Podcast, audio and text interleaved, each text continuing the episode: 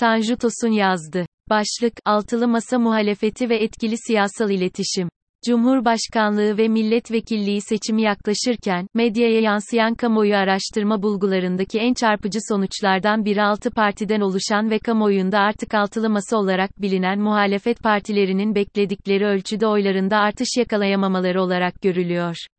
Başta CHP ve İyi Parti olmak üzere, 2018 genel seçim sonuçlarıyla karşılaştırıldığında oylarında bir miktar artış olmasına rağmen, bunun iktidar değişimini gerçekleştirecek ölçüde yeterli olduğunu söylemek şimdilik kolay değil. Muhalefetin tüm bileşenlerinin oylarıyla birlikte düşünüldüğünde değişimin gerçekleşme olasılığı daha yüksek olmakla birlikte, parlamentoda altılı masanın çoğunluğu rahatlıkla elde etmesi önümüzdeki günlerde büyük ölçüde süreci nasıl yönetecekleriyle ilgili. Çünkü olası farklı değişkenlere bağlı olarak söz konusu muhalefetin hem Cumhurbaşkanlığı seçimini kazanması, hem de parlamento çoğunluğunu elde etmesi kolaylaşabilir de güçleşebilir de. Çoğunluk sağlamayı güçleştirebilecek temel nedenlerden biri Cumhurbaşkanı adayının kim olacağı ile ilgili. Muhalefet partilerinin liderlerinin değil ama seçmen tabanlarının uzlaşamayacağı bir aktörün aday gösterilmesi durumunda, mevcut kutuplaşma ve Erdoğan karşıtlığına rağmen, aday kim gösterilirse gösterilsin, doğrudan ona yönelme ihtimali kolay değildir.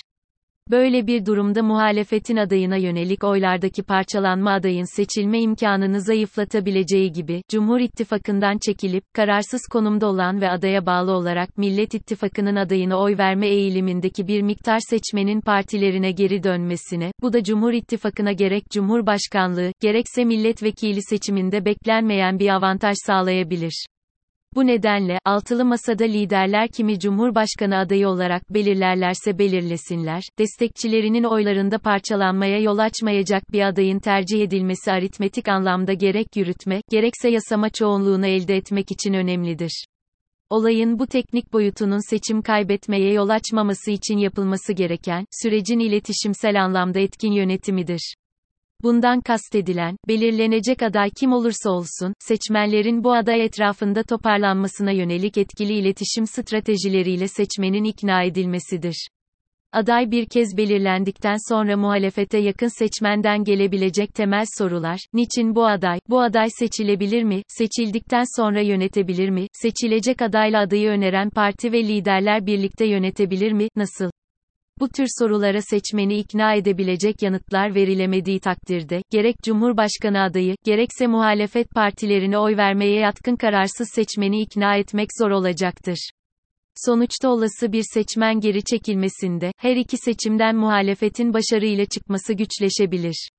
Şimdiye kadar edindiğimiz izlenim odur ki, altılı masa bileşenleri masanın teknik çalışmalarının henüz tamamlanmaması nedeniyle, bu konuda pasif bir iletişim stratejisiyle ilerliyorlar.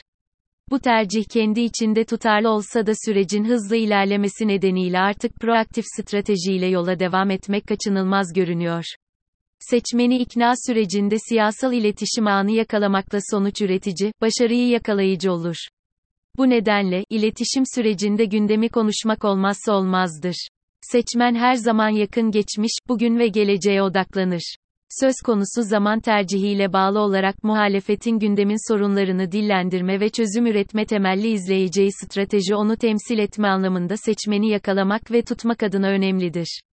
Altılı masa bileşenlerinin, ayrı partiler olarak gelenekleri, tarihsel birikimleri, ideolojik referansları farklı olsa da Türkiye'nin sorunlarını çözmeye aday olarak bir araya geldikleri için arzu edilen azami düzey olsa da asgari düzeyde dahi söylem ve eylem birliği içinde olmaları gerekir. Somut, sürdürülebilir bir birlik görüntüsü seçmeni ikna adına daha etkilidir.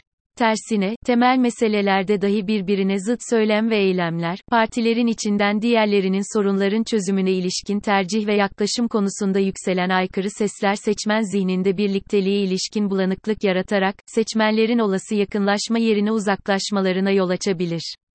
Nokta. İlgili partilerin uzun bir süreden beri sokakta başta esnaflar olmak üzere toplumun farklı kesimleriyle temas kurmaları, sorunlarını dinlemeleri önemli olmakla birlikte, son tahlilde bu iletişimi proaktif hale getirip sokağın taleplerinin çarpan etkisi yapması için mümkün olduğu ölçüde yeni mesajlara dönüştürmeleri, bunlardan politika üretmeleri gerekir.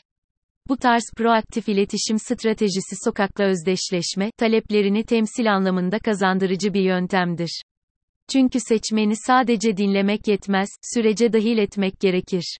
Zaman zaman grup toplantılarında çeşitli toplum kesimlerine konuşmacı olarak yer vermek ya da miting alanlarındaki kürsülerde onlara söz vermek yaratıcı bir ikna stratejisidir. Ortak sorunlardan ortak çözüm üretme kitlelerde bizatihi sürecin içinde yer alma, önemsenme, değerli görülme hissi yaratacağı gibi, bu tür topluma birlikte sesleniş çok farklı platformlarda da hayata geçirilmelidir. Yarının Türkiye'sini inşa etme hedefiyle bir araya gelen ve bunun yapısal, kurumsal çerçevesinin ilk adımını güçlendirilmiş parlamenter sistem çalışmasıyla atan altılı masa, ülkenin geleceğini yapılandırmaya yönelik hazırlıklarını oluşturdukları farklı komite, kurullar aracıyla sürdürüyor. Genel başkanlar ise belirli aralıklarla toplanarak, toplantının ardından ortak metin yayınlayıp, kamuoyunu yapılan çalışmalar hakkında bilgilendiriyor, ortak düşüncelerini açıklıyorlar. Ardından liderler ve partiler bir sonraki toplantıya kadar dağılsalar da, mutfakta uzmanlar çalışmaları sürdürüyor. Ortak metinle sınırlı kalan bilgilendirme eksik, kopuk iletişim olup, kamuoyunun mutlaka çalışmaların gidişatı ve önemli konu, sorunlar hakkında düzenli ve yeri geldiğinde anlık olarak bilgilendirilmesi, mesaj aktarımının gerçekleştirilmesi gerekir. Aksi takdirde, bugünün ve geleceğin uzlaşı siyasetini tesis için yola çıkan birlikteliğin görünürlüğü, ortaklaşa üretimi sınırlı kalmakta, bu da yapının toplumla kurmaya çalıştığı özdeşliği zayıflatmaktadır.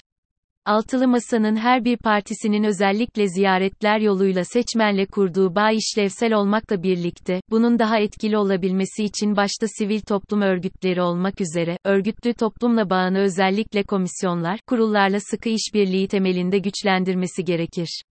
Her ne kadar dün olduğu gibi bugün de sivil toplum kuruluşlarının çoğu Tanıl Bora'nın ifadesiyle, majestelerinin STK'ları olsa da, gerçek anlamda üyeleri yararına çalışan anımsanmayacak ölçüde sivil toplum örgütleri bulunmaktadır. Bunların taleplerinin oluşturulan kurul yapılarına bilgi, öneri paylaşımı anlamında dahil edilmesi sorunların tanımlanması, çözüm üretilmesi temelinde sinerji yaratabilir. Çünkü, etkili siyasal iletişim ancak hedef kitleyi çeşitlendirmek, kitlenin niteliklerine uygun talep alımı ve mesaj aktarımıyla mümkündür. Bunun içinde örgütlü kesimlerle işbirliğinin yaygınlaştırılması mesajların güç ve etkisini arttırır.